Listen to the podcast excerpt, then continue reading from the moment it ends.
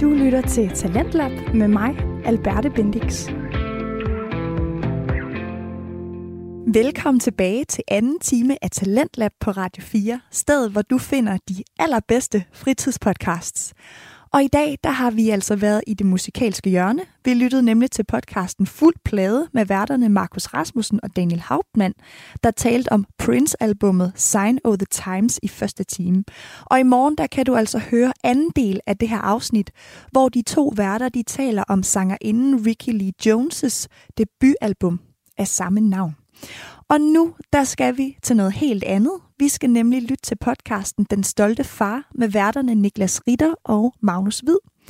Den Stolte Far, det er et podcast, hvor de to værter tager farrollen op til anskuelse og taler om diverse emner inden for børneopdragelse og faderrollen. Og i dag, der er Niklas og Magnus altså taget en tur til Aalborg, hvor de skal besøge Jasper C. Willumsen. Og øh, han er også kendt som The Sunshine Man. Men Lad os bare komme i gang med det hele. Vi skal have Jaspers historie, som jeg godt kan afsløre, at der er ret rørende. Her der får du altså Den Stolte Far. Rigtig god fornøjelse. Så er Den Stolte Far på tur igen. Og nu skal vi til Aalborg. Helt op i Nordjylland. Og det har vi glædet os til i lang tid. Øhm, vi skal op og tale med JCW. Jasper C. Willumsen, og I kender ham måske som uh, The Sunshine Man. Og øh, jamen, det, vi har vores forventninger af tårn høje. Han virker som det rareste menneske på jorden. Han har lovet at lave morgenmad til os. Ja, ja hvis vi sørger for morgenbrød, så sørger han for scrambled eggs og bacon.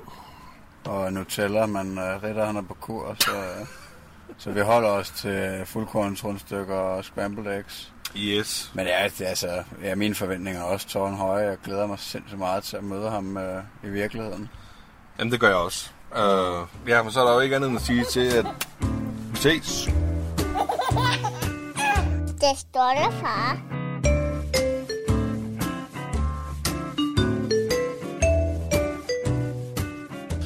Velkommen til Den Stolte Far. Uh, mit navn er Niklas Ritter, og ved siden af mig på min højre side, der sidder min gode uh, partner in crime, Magnus Hvid. Og vi er taget hele vejen til Aalborg i dag. Og vi er netop taget over for at snakke med Jasper Willumsen, men I kender ham jo nok som... It's a beautiful day, why that? Because JC in the house i den stolte far, så listen to this podcast, be present, feel it all the way. Tusind tak. uh, tusind tak for det, Jasper. Det varmede virkelig med Ja, jer. det er for fedt. Altid. Det er det virkelig, mand. Og tusind tak, fordi vi måtte besøge dig her i Aalborg. Det er jo det. Vi er strongest together. Det er vi så i hvert fald. vi skal hjælpe hinanden på vejen i livet, jo. Det er så vigtigt. Du, øh, vi er her jo fordi, at øh, en ting er, at du er strongman, og du øh, spreder glæde med alle dine øh, videoer på Instagram og så videre, men vi er her jo fordi, du faktisk er vigtigst af alt far Ja. til øh, Gabriel, din søn. Ja, vi det er alt. Er det, der er alt. Kan du ikke, øh, inden vi starter helt ud, kan du fortælle lidt om dig selv? Jamen, øh, jeg er egentlig bare en normal, øh, stor trænet gut, som har bare været meget passioneret omkring det i, i hele mit liv, jo. Trænet i 23 år, øh, og i, i det øh, er jeg så også en meget vigtig person for min, øh, for min søn Gabriel, som øh, er lige fyldt 9 år. Øh, og som sagt, ved jeg sådan går meget op i min passion omkring træning, har jeg det ligesom også, at det er noget, jeg videregiver til min søn i forbindelse med disciplinen i det, men også i det, at jeg er så aktiv, og jeg er alligevel 38 år, men der er ikke noget, der hindrer mig i at leve, fulde, eller leve leve fuldt ud, øh, og det kan jeg jo ligesom få min, eller det kan jeg jo ligesom videregive til min søn, via det er sådan, jeg kan være med, hvor det sker, i forbindelse med aktiviteter, i forbindelse med, ja, være, være nede i en svømmehal i 3-4 timer ude i en kører, køre på mountainbike ude i den lokale grusgrav herude bag øh, Drastrup. Altså det der med, at jeg kan være aktiv sammen med min søn, fordi jeg tager, tager ansvar for min krop. Yes, remember, your body are your own real body. So take care of your body, and the body will take care of you, and you can live, and you can experience the life in the fullness. Jeg elsker det, Jasper. Det er det, det, jeg er kæmpe fan af det. Inden vi, øh, inden vi går til nutiden, Ja. så synes jeg, vi skal trække tid tilbage. Yes. Lad os øh, trække tiden tilbage til før du blev far. Lad, os, øh, lad mig stille et spørgsmål, som var det overhovedet planlagt, du skulle være far? Nej, fordi på det tidspunkt, øh, altså jeg har tidligere haft en steddatter jo.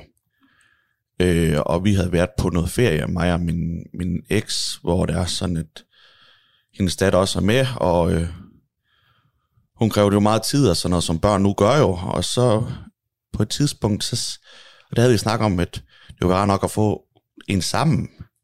Men så fordi på den ferie, der er der, hun er meget kræven, øh, og jeg siger tingene, som det er, og hvordan jeg føler det. Så sagde jeg bare til, til hende, at det er nok også godt nok, der er sådan, at jeg ikke blev far. Fordi det kræver mere end som så, at være forældre. Og man så også godt skulle ville det jo. Og som sagt, øh, vi har aldrig nogensinde beskyttet os. Og på det tidspunkt havde vi været sammen i, var det fire år? Fire-fem år, tror jeg faktisk, det var. Og så, sjov nok, så lige pludselig, så blev hun gravid. Så det der, det skulle lige komme ud af min mund, at jeg egentlig ikke ville være far. Og det er det der med, altså jeg er troen på mange måder, og jeg ser en rød tråd i min, mit liv. Men jeg tror ligesom, at det her, det er jo ligesom et, et tegn til mig, at det her, det vil give dig noget livsglæde. Og det er det virkelig gjort. Altså, jeg har aldrig nogensinde kunne tænke mig et liv uden min søn. Altså min søn, min, han er mit etteralder. Jeg elsker, jeg elsker at bruge min tid sammen med min søn. Altså han er min bedste kammerat. Så jeg tager stor ære i at være en god far for min søn, og det synes jeg virkelig, jeg altså, gør det rigtig godt. Så du var ikke, øh, altså, du var ikke øh, født klar til at være far, kan man sige? Nej, ikke på det tidspunkt. Fordi det er jo meget stor ansvar, og man skal ligesom også være der for barnet. Og jeg var jo kun, hvad var jeg? Jeg var, jeg var 29, slutningen af 29, da jeg fik min søn. Og jeg havde alt det her med, med min træning, gik, har altid gået meget op i mit liv, og været passioneret omkring det træning, og træne meget, og ville også gerne stille op mange gange fremadrettet, og jeg havde også stillet op, hvad er det, tre-fire gange for inden jo. Så, og det var i 2013, han blev født, og jeg havde ligesom planet, at jeg skulle stille op i 14, og det skulle jeg bare, koste hvad vel. Så, øh, så, og som sagt, også i 2013, der havde jeg også atleter op til øh, konkurrence. Altså, jeg, jeg har tidligere været personlig træner, og også tilbyder det den dag i dag. Men på det tidspunkt, der havde jeg jo atleter op til konkurrence, så jeg havde mange ild, eller hvad er det, man kalder det? Mange, Ja, jern- jern, ilden. jern i ilden, ja. Så, øh, så på det tidspunkt, der var jeg ikke lige, der var jeg ikke forberedt, og ikke var ikke parat til det. Men den, hvordan bliver man parat til, eller parat til at, og ligesom at, at være far? Altså, der er jo ikke nogen manual for det jo. Nej, det kan vi. Altså, det er jo ikke så længe siden, vi blev forældre i forhold til dig. Altså, vi, det bliver man lige pludselig.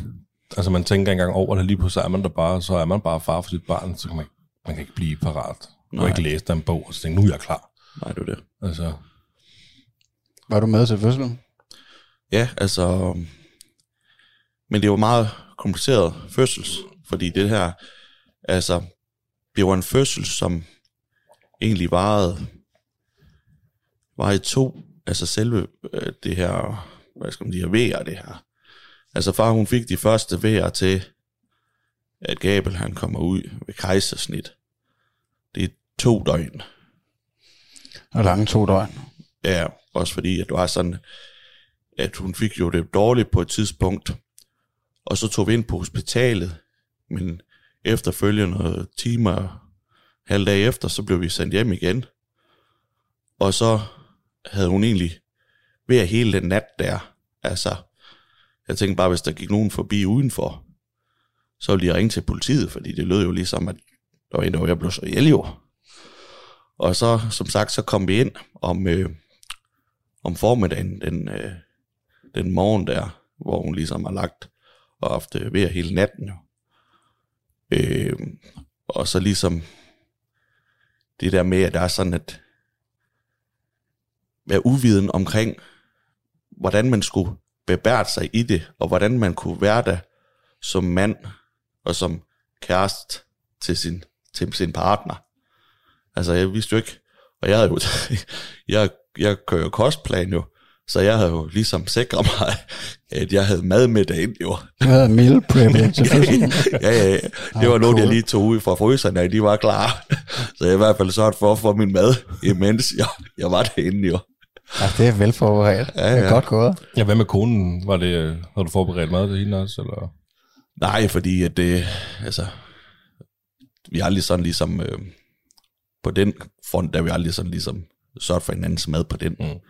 Så jeg tænkte også, at hun er nok at se til med at få vores søn ud, jo. Ja, Så, øh, men, men det er jo meget kompliceret fødsel, fordi at det der med, vi kom ind der om, om formiddagen, og hun havde store vejer og så videre, men hun ville ikke ligesom åbne sig. Så hun fik jo både øh, myggestik og vepsestik, alle de der bedøvelser, rygmavsbedøvelser. altså hun blev pumpet op med, med, med medicin jo. Og der var bare ikke noget, der, der hjalp. Hun åbnede sig lidt, men efter noget tid, fordi det blev så irriteret og sådan noget, så trak det sammen igen. Og så først om eftermiddagen, så, øh, så går de så ind og- og røntgen. Altså, er det ikke det, er det er ikke røntgen, der skal, nej, røntgen, det er den der med det apparat der, hvor de kan se, hvordan han ligger. og sådan scanner der. Ja, lige præcis. Så på det tidspunkt fandt de ud af, at han lagde forkert. Han var stjernekigger. Så, og på det tidspunkt, der var tallene, de var ikke så gode i forbindelse med blodprøver og sådan noget. Altså, han havde det fint nok. Men han skulle snart ud. Så gik det jo ikke. Så gik det halvanden, jeg tror det er halvanden, to timer. Jamen, så, så blev hun taget ud med kejsersnit jo. Men hun var fuldstændig væk. Øh, fordi hun har fuldt proppet op med bedøvelse. Så hun kan ikke huske, hun kan ikke huske, at, hun, at han kom ud. Så det var også en sådan mærkelig... Øh, for lige pludselig, så blev, han jo bare, eller så blev hun bare taget ind på øh, operationsstuen, øh, stuen, og blev skåret op, og så lige pludselig, så var han der bare. Altså, der har jo ikke været nogen proces. Jo, der har været en proces i, at hun bare lå i smerter og, og vred sig, sådan noget, hvor jeg sad, okay, skal jeg holde i hånden? Øh, nej, det skal jeg ikke, og skal jeg være til stede? Nå, så gik jeg ud på gangen, og så, når jeg var sulten, så lavede jeg en portion mad og sådan noget. Jeg vidste ikke, hvordan jeg skulle ligesom være der for hende, for at være der optimal. Så det var meget forvirrende, og på nogle tidspunkter, der var det jo 4-5 sygeplejersker inde, og så var der en, øh, en, øh, en overlæge, der ligesom kom og bedøvede hende, og altså det var så kaotisk. Det var så herinde på Aalborg, hvad er det, øh, sygehus Nord. Så, øh, men, men, hun, men han blev så taget med kejsnit, da han kom ud, og det var faktisk kun mig, der oplevede det. Og jeg holdt ham der. Var du med ind til kejsersnittet? Jeg, jeg, jeg stod på den anden side, der var jo ligesom så klædet der Ja. til underlivet. Jo. Ja. Øh, og så lige pludselig så var drengen der bare, efter vi egentlig ventede på ham i to døgn jo. Og hun var helt væk, hun, hun, hun brækkede sig i det, han kom ud. Men det kan hun heller ikke, det, det kan hun ikke huske, fordi hun var så, hun var så bedøvet. Altså, Altså, hun var, be, hun var, be, hun var ved bevidsthed, ja. men, men hun kan ikke huske noget som helst, fordi hun var, hun var så fyldt op med medicin. Ja. Så, Jamen, det, ja. Så står du der med en, øh, med en baby fra det ene øjeblik til det andet. Ja, ja, lige præcis. Så skulle jeg, så var der noget med, at jeg kunne klippe, øh, eller var en klippe, men der var i hvert fald noget negle, navlestreng, jeg kunne klippe af, eller et eller andet. Gjorde du det? Jamen det var, for mig der var det selv, altså, der er faktisk nogle huller i historikken der, Ja. fordi for mig, altså alligevel det jo gik ud over hende, jeg var så forvirret, Ja, det kan fordi jeg jeg vidste ikke fra eller til, og som sagt, selve processen stod på i to døgn jo, hvor det er sådan, at som sagt, det halve døgn havde været op på sygehuset øh, til sidst, hvor lige pludselig, nå, jamen han skal tages med rejsnit, bum, halvanden time efter, så ude. Og jeg tænkte bare, at det hele, det kunne, det kunne have lavet, det kunne, det hele, det kunne, hvis de havde ligesom været inde og rynket ham, og finde ud af, at han lå forkert som stjernekigger, så kunne man have gjort det allerede, da, da hun var inde første gang, og fik de første vejr, fordi hun ville ikke åbne sig på den måde, han lå. Så der synes jeg, der er sådan selve, det var meget uprofessionelt. Jamen, man kan da undre sig over, hvorfor de ikke lige har op... Altså, hvorfor skal der gå to dage, før de opdager, at han ja. er stjernekigger? Ja, altså, men det klagede vi jo så også over efterfølgende, at det var meget uprofessionelt, og altså, at hun skulle, skulle alt det igennem, og alle de smerter og så videre. Men, øh, og det var ikke, hun var jo andengangsfødende. Så, og hun havde sagt, at den første fødsel, hun havde været igennem, det var, det var så et døgn, det havde taget, og hun var meget rej for selve fødslen, og det havde hun gjort dem opmærksom på. Jamen, det går meget bedre, havde de sagt, fordi kroppen den husker, så det går meget bedre anden, anden gang, du skal føde. Men det gjorde det så ikke. Nå. Så men efterfølgende, så øh, vi var som sagt inde på øh, fødselsgangen, og han havde det fint. Øh, hun var sådan lidt svækket. Men efter et par dage, så blev vi så sendt hjem. Og vi nåede at være hjemme i en døgnens tid. Men jeg skulle hjælpe hende hele tiden. Fordi hun var så svækket. Hun var meget svag. Og så på et tidspunkt, hvor jeg står tæt på hende, og hun er tæt på sengen, og hun står også op, lige pludselig så falder hun bare sammen. Hvor jeg når at gribe hende. Og så øh, får vi så ringe til, til vagtlægen. Og hun siger så, I skal skynde ind på fødegangen, ind på hospitalet igen. Og der finder de så ud af, hendes bakterietal i blodet, det er helt hen i vejret. Altså det er livstruende. Og de tal, dem havde de heller ikke taget, inden de sendte os hjem. Så, øh, så hun blev indlagt akut. Min søn havde det fint. Hun blev indlagt akut. Altså hun var helt, altså tallene de var meget kaotisk og meget kritisk.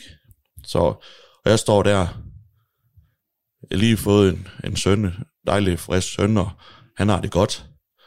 Men det har været en meget kaotisk fødsel. Så står jeg der med en kæreste, og jeg tænkte faktisk på et tidspunkt, fordi jeg kørte jo hjem og sov jo. Øh, tænkte bare, okay, mister jeg hende? Og så var bange for egentlig at miste hende på det tidspunkt. Jeg troede, jeg skulle blive alene far på et tidspunkt, fordi hun var helt væk.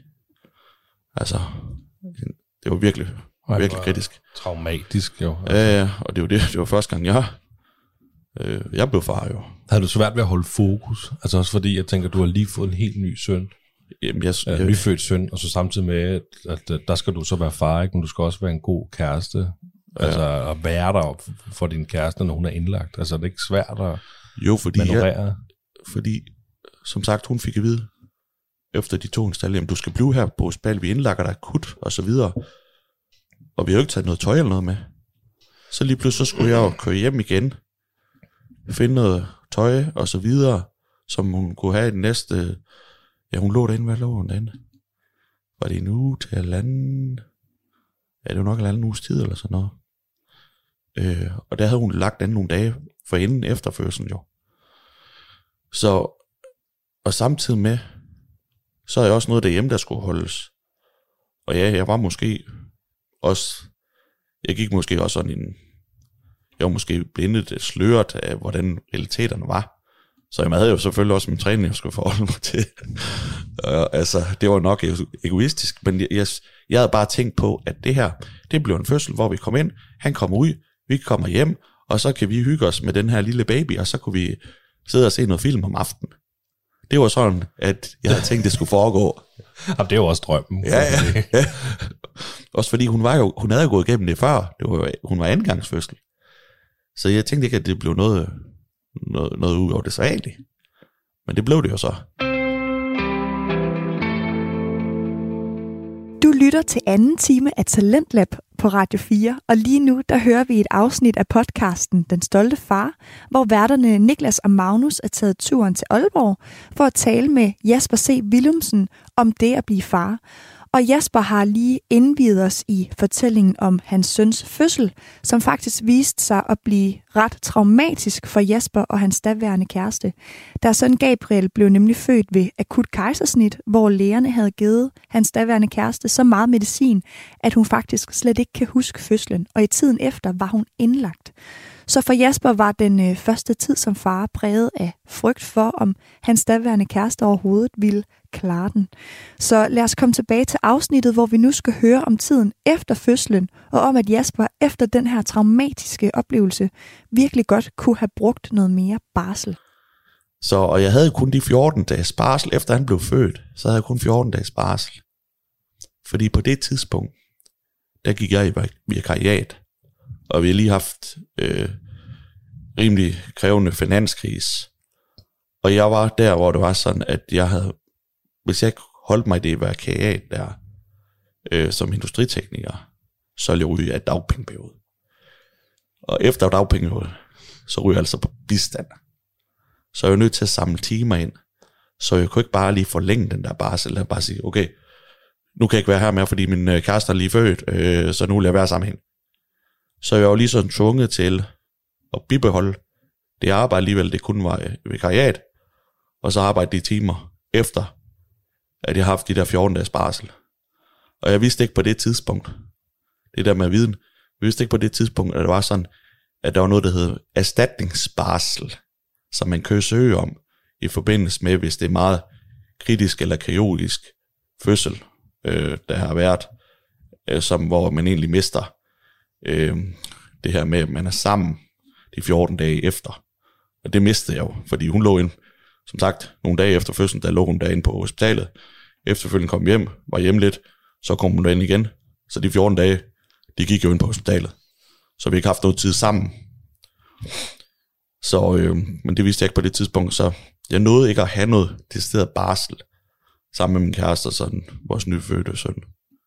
Jamen, det kan jeg faktisk godt huske, det der med, med barslen, fordi at, at vi var også, altså min søn kom ud fredag, og vi var, kom først hjem mandag.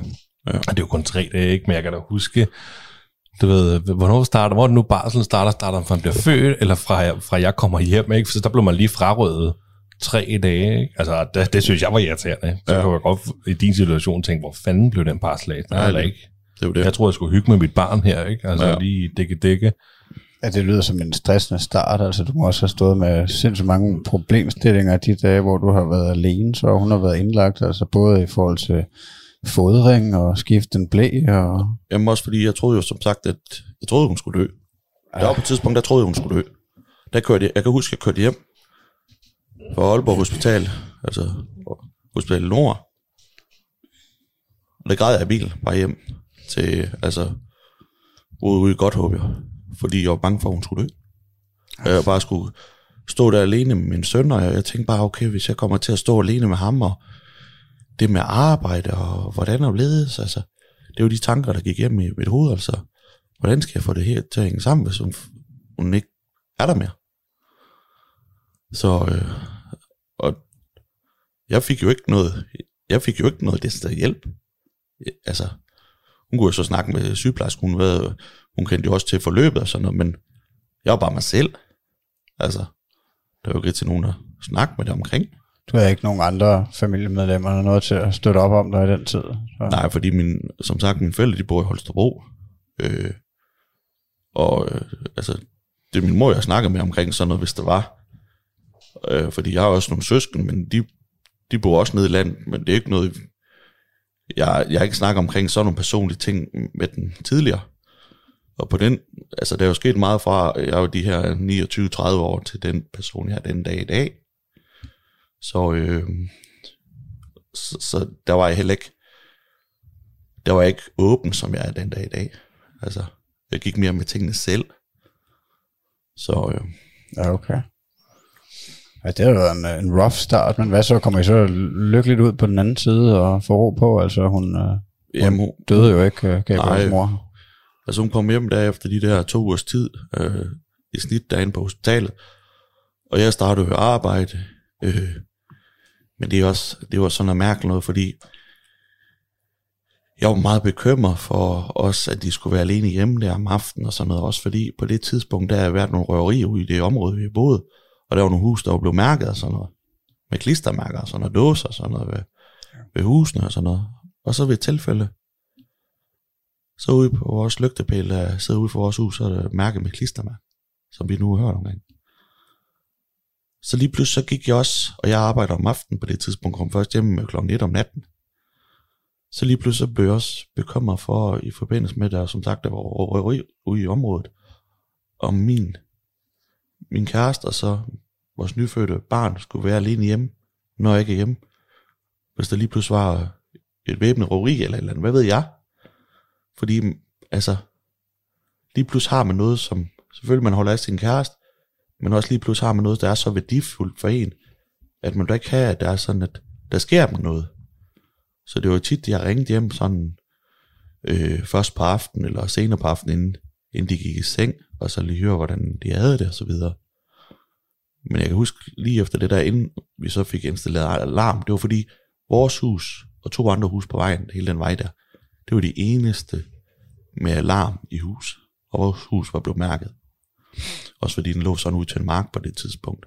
Der var fri øh, genvej fra, fra marken af så ind på vores grund. Så jeg, som sagt, vi fik installeret alarm øh, via et alarmselskab. Øh, så, øh, men ja, det var sådan en mærkelig periode.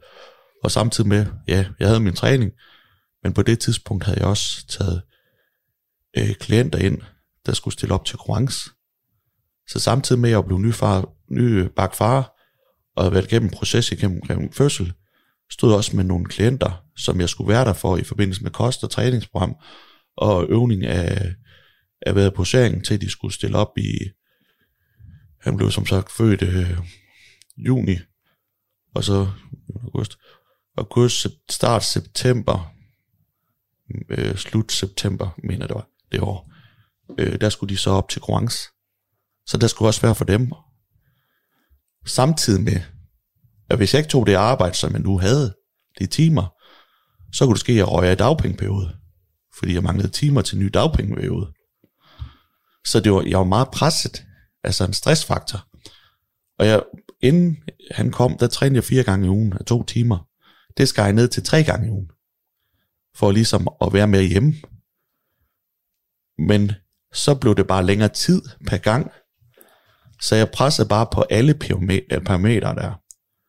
Og på et tidspunkt der, i midt i, i efteråret der, så lige pludselig, så blev jeg sådan, når jeg kørte ud på motorvejen, og det var så nede i års, at jeg arbejdede på det tidspunkt. Lige pludselig, især når jeg overhældte lastbiler og sådan noget, så følte jeg bare det hele sejlet. Og jeg tænkte bare, okay, nu besvimer jeg.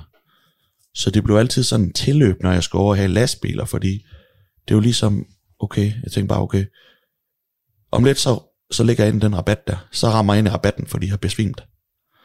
Og jeg kunne stå på arbejde, og så lige pludselig, så følte jeg bare, okay, hvis jeg ikke sætter mig ned på den her stol, eller den her, den her skænk, der lige stod der, eller, så ligger jeg ned på gulvet. Ja, du har simpelthen været super stresset. Mega stresset. Og i det også egentlig være ked af, at jeg ikke havde det her, ikke havde fået noget barsel med min, med min nyfødte søn og så min kæreste. Så altså, det var meget kaotisk. Og på det tidspunkt, jeg tog ind til lægen der, og fik målt alle mine tal, og var inde, fik lavet hjertediagram, og jeg blev fuldstændig screamed hele vejen igennem. Så, øh, men det har været en form for fødsel, depression, stress, øh, depression, øh, og det var først dengang, jeg så får arbejde i Svendstrup, den nærliggende by, hvor jeg kun har fem minutters kørsel til at få arbejde. Efter en måned der, så ligesom det fader lige så stille ud igen. Fordi den stressfaktor, jeg kommer for sent afsted mod arbejde, og kørsel frem og tilbage, og altid for sent ud i døren, den forsvandt ligesom. Og på det tidspunkt, så havde jeg også ligesom afsluttet det med de atleter og så videre. Så lige så stille, så gik det i sig selv igen. Men det var også, fordi det er efterår. Jeg kan huske også, når jeg trænede. Jeg var oppe og køre sæt med 220 i squat og sådan noget. Jeg lå bænket over 200, så lige pludselig, så havde jeg bare ikke nogen, jeg kunne ikke stabilisere min krop. Jeg havde ikke nogen kropsfornemmelse. Så lige pludselig, når jeg gik ud med squat, så, så følte jeg bare, at det hele sejlede, eller jeg lå med bænk, stangen i, i forbindelse bænkpres, så det hele, det, det snurrede bare for mig. Så jeg gik jo fra squat 22 sæt til at lige pludselig efter en halvanden uge kun kunne stå med 110 kilo og bænkpres omkring 200, over 200, til at max skulle ligge med 120 kilo. Altså, og jeg vidste bare ikke, hvad der skete. Altså, jeg havde ikke nogen kontrol over det. Så det var, det var altså, men det er også det der med at lære af fortiden, som jeg bruger den dag i dag. Altså jeg ved jo, hvis der er nogle tegn, at jeg ligesom kan fornemme nogle ting i forbindelse med noget stress, og den periode, jeg så er gået hjem det sidste halvår, så tænker jeg, okay, nu er det her, hvor jeg lige skal passe på mig selv, fordi ellers så kan jeg ryge længere ned, hvor det er sådan, det er svært at samle mig selv op igen. Så du skal jo tænke på, hver gang du oplever noget, som kan være negativt i livet, hvis du formår at ligesom mærke efter dig selv, så kan du post, bruge det positivt fremadrettet til, til gavn for dig selv frem, fremadrettet. Så Ja, altså man kan lære, hvornår man kan gå all in på en performance eller ej. Altså, det Ja. lyder også, som om du har haft, øh, haft, haft lidt for mange bolde i luften på en gang. ja, lige præcis. Men du øh, fik alligevel jongleret de øh, atleter til øh, konkurrencer. Ja, og, ja, det er jo det. Ja. Ja. Altså, jeg fik afsluttet det hele, øh, hvad skal man sige, i god stil, og fik hentet team, og, og de atleter, som er op til konkurrence, de lå i top 3, og, øh, og som sagt har en sund og rask dreng i dag, og ja, så øh, og jeg er her også i dag, og har sund helbred, så det er jo, så som sagt, det Ja, det er lykkeligt. ja, Jeg, jeg tænkte på, hvor meget ændrede det dit liv, at du blev far? Altså lige pludselig var, så var der noget, der var mere vigtigt end bare mig selv. Og det der med, dem der, der siger, at der er sådan, amen, de for eksempel ikke skal være forældre. Eller det. Og det var også sådan, jeg sagde, men jeg er virkelig glad og taknemmelig for, at der er en, der tænkte, du skal skulle være far. Fordi den livsglæde, og det, man får virkelig finder ud af, hvad livet det har betydning, når man får sit egen barn. Altså, ja, det, det, det giver så meget glæde. Altså, jeg får kuldegysning nu, fordi det er sådan, at altså, jeg vil ikke kunne være min søn. Ja, og det er også derfor, jeg altid gør mit for at kæmpe for rettigheden til at, at se min søn, have tiden med min søn. Og selv i den her uge alligevel, at jeg ikke har ham, så jeg kørte ind på skolen og besøgte ham efter skoletid, torsdag fredag. Undskyld. torsdag fredag, for bare at se ham en halv time, fordi jeg savner ham hver eneste dag, når jeg ikke ser ham. Fordi han betyder så meget for mig. Det er også det, jeg siger. Når jeg tidligere snakkede, at han er min sunshine. Han giver så meget livsglæde til mig.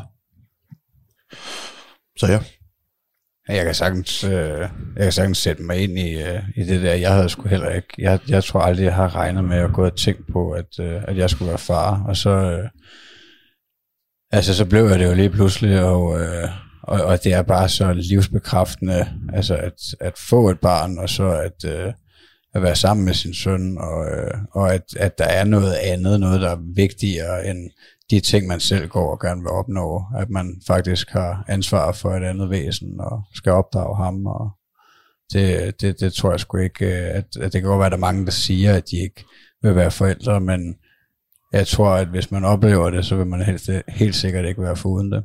Nej, altså man går virkelig glip af meget, hvis der er sådan, man ikke oplever det der med at, at blive forældre, og det er bare livet, det giver bare en større mening, når man har oplevet, altså, det er også det, jeg siger, barnet har jo ikke valgt at komme til, verden, men man har et, som, et ansvar som forælder, når man skaber et barn, at ligesom skabe det bedste liv, man formår for barnet. Og det her barn, det har brug for al den omsorg, al den kærlighed, og den øh, videregående øh, vid, videre læring, du har til livet generelt. Du har et ansvar for det barn, men det er også det, al den kærlighed, du giver til det barn, det vil du få tilbage, og det er også det, jeg siger. Jeg skal nok, nu er jeg for mig selv og single, men lige meget hvad, om jeg finder en anden. Jeg vil altid blive i området, hvor min søn er. Fordi kvinder kommer og går. Sådan er realiteten i mit liv bare været. Men dit barn vil altid være der for dig, hvis du altid er for barnet. Og min søn, han er bare det vigtigste for mig. Så jeg vil gøre mit for, at jeg altid er den gode far, jeg gerne vil være for min søn, og som min søn fortjener. Og det synes jeg, at jeg er sådan, at øh, jeg gør rigtig, rigtig godt. Øh, og jeg ved, at min, min søn, han elsker mig over alt på jorden, fordi jeg også tager ære i at være aktiv sammen med ham. Og ligesom at gøre mit for, at han får et ordentligt liv. Og hjælpe ham, og ligesom prøve at ligesom forstå, hvor han er den dag i dag, og ligesom lytter til ham, og, og er på det stadium, hvor han er, så jeg ligesom kan hjælpe ham bedst muligt i hans problemer, og hans problemer i forbindelse med indlæring i skolen. Og der som far, og min livserfaring, og de problemer, jeg selv har stået i, fordi jeg ser meget af mig i min søn, at jeg kan jo videregive noget af det erfaring for mig selv af, mine problemer, til at løse hans problemer, som han har i forbindelse med indlæring. Så ja.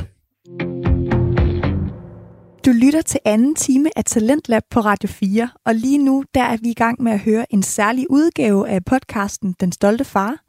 Værterne Niklas Ritter og Magnus Hvid er nemlig taget på tur til Aalborg, hvor de i det her afsnit taler med deres gæst Jasper C. Willumsen, og vi er lige nu i gang med at få hans historie om det at blive far. Og jeg ved ikke med jer, men jeg blev godt nok rørt, øh, da Jasper for lidt siden fortalte om, hvor vigtig hans søn er for ham. Og jeg må da altså lige blinke lidt ekstra med øjnene, må jeg godt lige indrømme. Nu skal vi høre om, hvordan Jasper og hans daværende kæreste deler tiden op mellem dem og sønnen Gabriel. Jamen hvad, når, altså kan vi lige, øh, nu siger du selv, at du er single, og du er så ikke sammen med din søns mor, men øh, hvor tit er du sammen med din søn? Altså lige nu, øh, jeg har selvfølgelig haft øh, 9 dages øh, ferie med ham her i sommer, som var min sommerferie sammen med ham, men ellers så har jeg ham fra fredag efter skole til øh, mandag morgen øh, i skole. Altså i- ud af to uger. Ja, lige præcis. Ja, det er også tof. Hvor længe, hvor længe har det været, øh, hvor længe har det været sådan? Hvor lang tid siden er det, I gik fra hinanden? Altså, vi gik jo som fra, sagt fra hinanden øh, her til vinterferien i år, der er det så tre år siden. Og vi startede på en øh, 9-5-ordning, også fordi jeg skulle jo starte op fra scratch, mere eller mindre. Selvfølgelig havde jeg nogle, nogle møbler og noget seng og sådan noget, dengang jeg skulle flytte for mig selv. Men det var også en meget kaotisk tid, øh, hvor man går fra sin eks, som man har været sammen i 10 år på det tidspunkt, og boet det samme sted i 10 år, og lige pludselig skal for sig selv, og i det, så skal man også øh, ligesom have et sted, hvor det også er værd og, og ligesom at have en dreng til at opvokse. Øh, der. men en ting, det der med at, at, at hvad hedder det, skal tænke på sig selv, man skal også huske at, jeg har jo også en anden en, ligesom at take care of.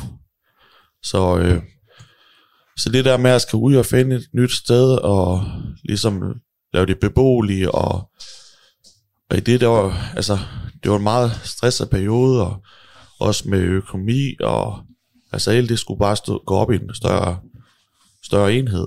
Øh, som sagt, men som vi har været fra hinanden i tre år, øh, og vores orden kørte 5-9. Øh, det er først, øh, det var indtil julen, eller ja, julen sidste år, 2021, vores øh, 5-9-ordning den kørte. Hvor jeg så havde ham fra fredag efter skole til onsdag morgen. Hvordan fungerede det? For gik der lang tid før, at du... Der, altså, ja, det må være en pisse svær tilvændingsperiode, forestiller jeg mig, men, øh, men da I sådan var kommet på plads, og du var kommet på plads det nye sted, og hvordan fungerede det så? Altså, som sagt, jeg er bare i hele den her proces, proces med, at der er sådan mig og min eks, vi gik. Der ser jeg, at tingene sker en årsag. Og jeg har ikke fortrudt noget i mit liv. Der er selvfølgelig nogle ting, man kan lave om, men jeg har ikke fortrudt noget i mit liv, fordi hvis jeg har fortrudt noget i mit liv, så er jeg ikke den person, jeg var den dag i dag. Øh, og jeg har ikke fortrudt noget omkring de 10 år, vi var sammen, fordi at jeg har da fået det mest fantastisk ud af det, min søn. Og det var også det, der min fokus var, at det var sådan, jamen, ja, jeg mister et sted, jeg boede 10 år, jeg mistede sommerhus og så videre, men jeg havde gang til det vigtigste, min søn. Og som sagt, jeg bare, jeg bare tilpasser mig alt det her. Det var hende, der valgte at gøre noget andet, det var hende, der ikke ville mig mere og så videre, og jeg, jeg accepterer, at det kommer videre i det. Men som der sker i mange af de her brud her, så er der altså noget, noget fniderfnader. Øh, fordi at man ligesom skal acceptere en anden mening og holdning og gøre tingene på jo. Og øh, altså, jeg passer, jeg har altid bare passet meget mig selv, og folk, der kender mig nede i træning, jeg går meget for mig selv, fordi jeg er meget intens i min træning. Jeg kommer for at træne. Jeg kan godt lide at være social, men det er small talk, og det er eftertræning. Det er ikke sådan i overlig træning, fordi det, jeg kommer for at træne. Er du fokuseret på det, der skal ske? Ja, lige præcis. Og det er også sådan, jeg har ligesom fokuseret på min, min egen have herhjemme og så videre. Jeg tænker ikke på, hvad bare min søn han har det godt over ved hende, så skal jeg ikke blande mig i, hvordan hun gør tingene. Og som sagt, jeg siger bare tingene, som jeg føler det og ser det.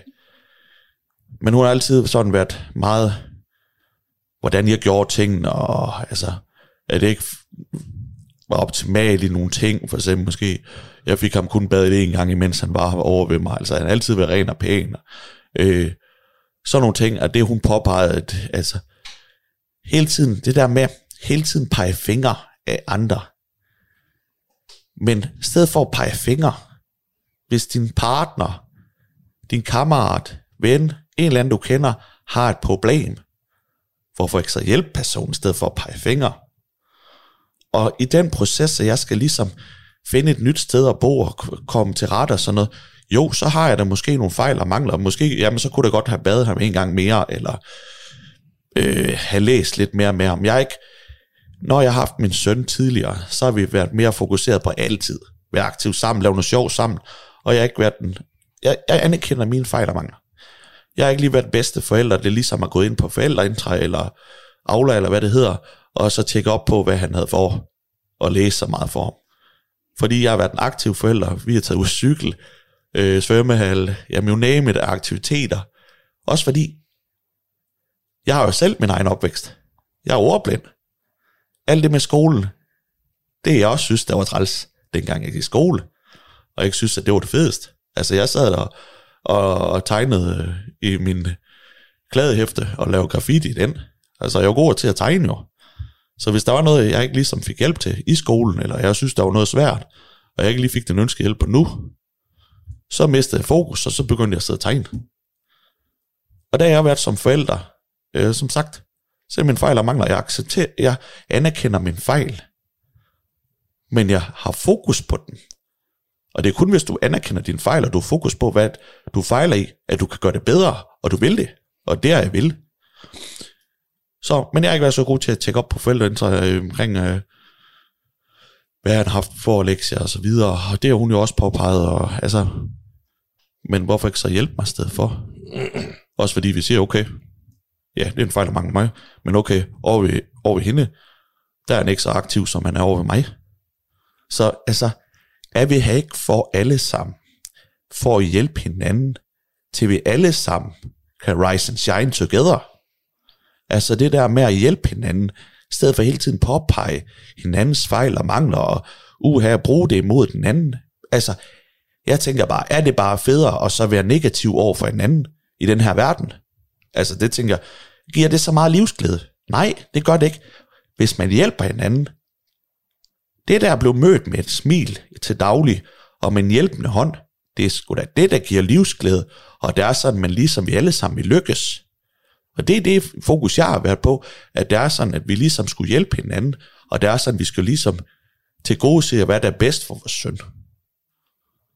Og det er også derfor i forbindelse med, jeg vælger alle sammen det bedste, og livet generelt, fordi det giver bare så meget mere livsglæde, og det har jeg jo ligesom bemærket de sidste halvandet år. Hvad? Vil jeg bare mig selv? Vil jeg gøre mine ting? Vil jeg gøre, altså, ligesom tage ansvar for mig selv? Så hjælper jeg langt flere i, i, i min, af mine medmennesker, og får så meget glæde igen. Så, øh, men som sagt, vores øh, 5-9-ordning, den kørte øh, til og med øh, til og med nytår 2021, øh, hvor hun så opretter en sag omkring, at øh, hun synes, vores søn mistrives i den daglige dag, ved at han har to hjem. Og øh, min, eller min søn har jo problemer rent faglig indlæringsmæssigt, og det er især i dansk. Og det bruger hun så som øh, begrundelse for, at det er sådan, at, at jeg ikke skal se min søn, og fordi så prøver hun at fremstå mig som et eller andet aggressiv, udreagerende øh, monster. Øh, fordi jeg nu har den størrelse, jeg har.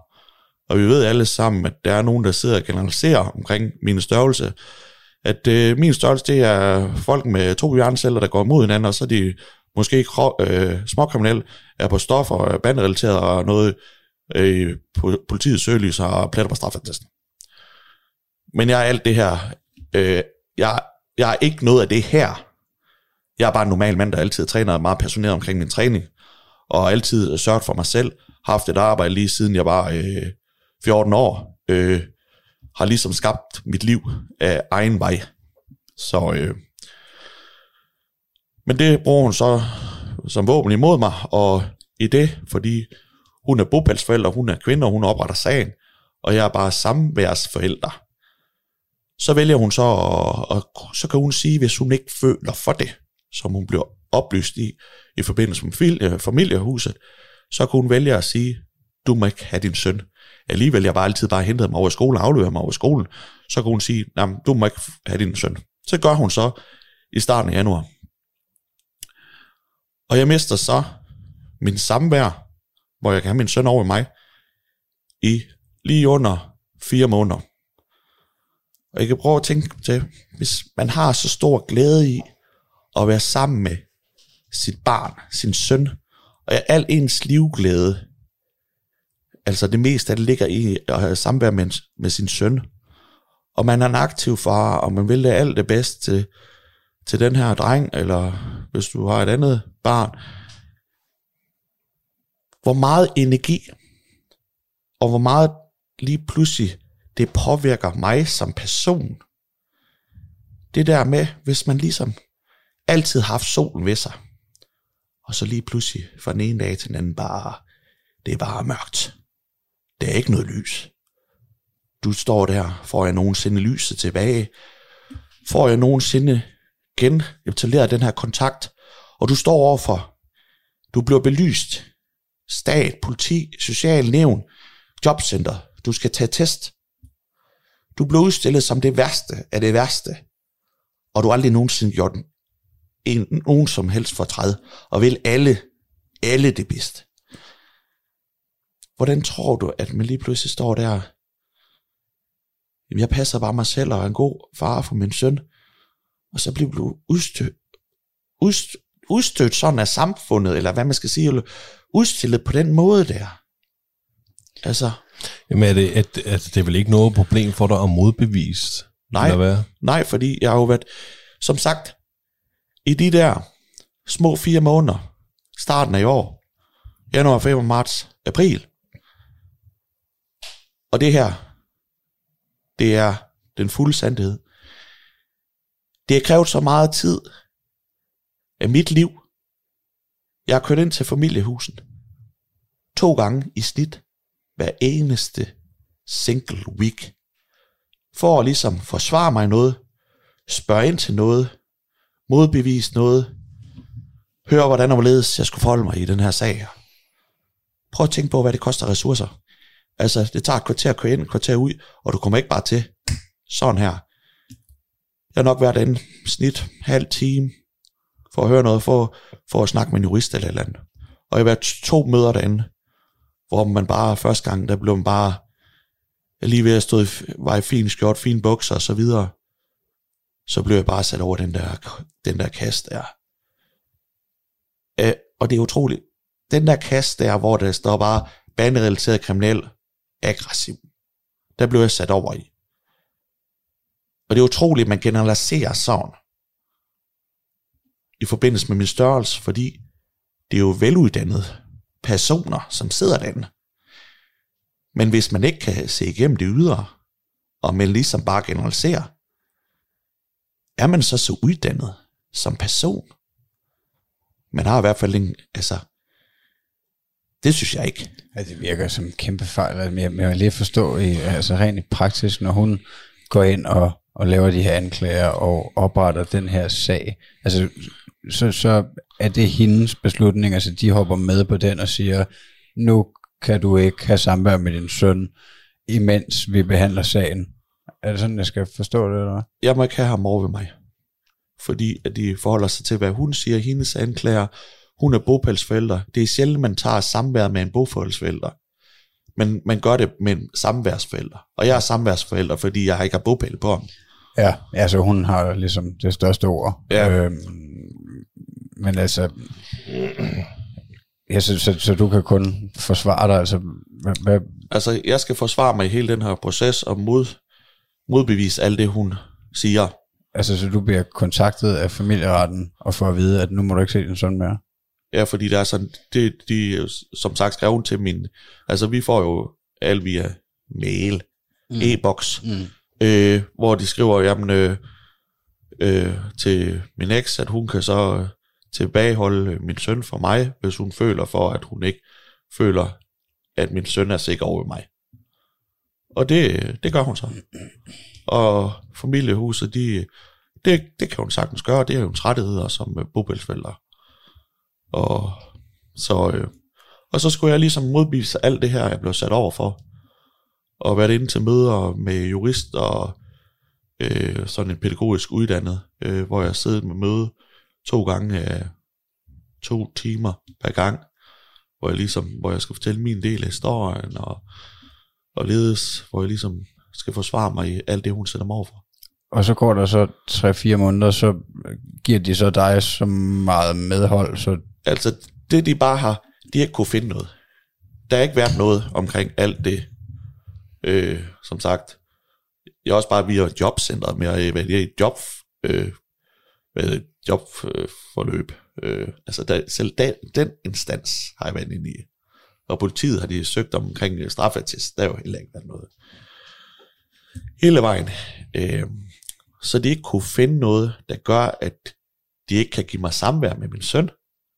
Og så fordi jeg har bibeholdt kontakten til min søn.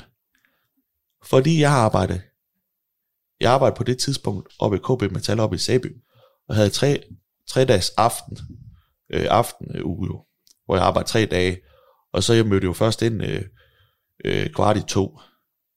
Men jeg ville gerne have arbejdet mere, fordi men jeg, jeg gjorde det her, og ikke valgte at tage flere vagter, og de har så været meget fleksible, og det er jeg glad for. Fordi jeg så har været nede i familiehuset og mødt personligt op der, inden arbejde, en dag jeg havde været fri, eller at jeg skulle forsvare mig et eller andet via mail.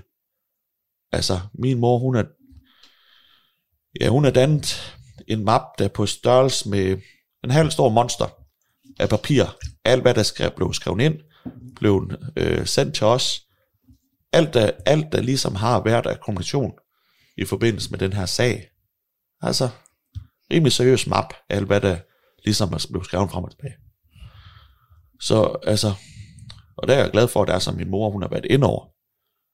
Fordi det har været så stor hjælp. Altså, nu har jeg jo ligesom dokumentation i en map, en samlet map, som jeg så kan videregive til min, til min advokat, fordi at det her, den her sag, den blev kørt via retten senere i år, omkring hvad der så sker fremadrettet.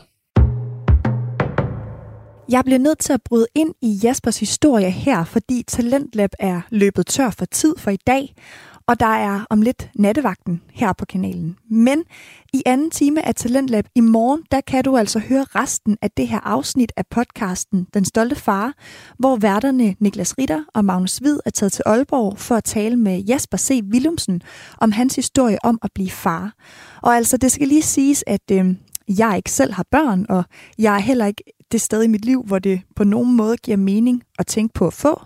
Faktisk, så kan det godt være, at jeg hører ind under den kategori af mennesker, som Jasper taler om, der ikke rigtig tænker, at de skal have børn.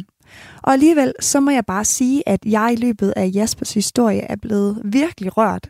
Han har taget os med hele vejen fra fødslen, som var meget kaotisk, og tiden efter traumatisk, til nu, hvor Jasper og kæresten er gået fra hinanden, og der kører en sag, der handler om, hvor deres søn Gabriel skal bo henne. Og øh, da Jasper fortalte og satte ord på, hvor meget Gabriel betyder for ham, og især efter, at Jasper selv havde tænkt, at han nok ikke skulle have børn, der blev jeg godt nok en øh, lille smule rørt. Det vil jeg bare ikke lægge skjul på. Men det her, det var alt, hvad vi nåede for den her udgave af Talentlab.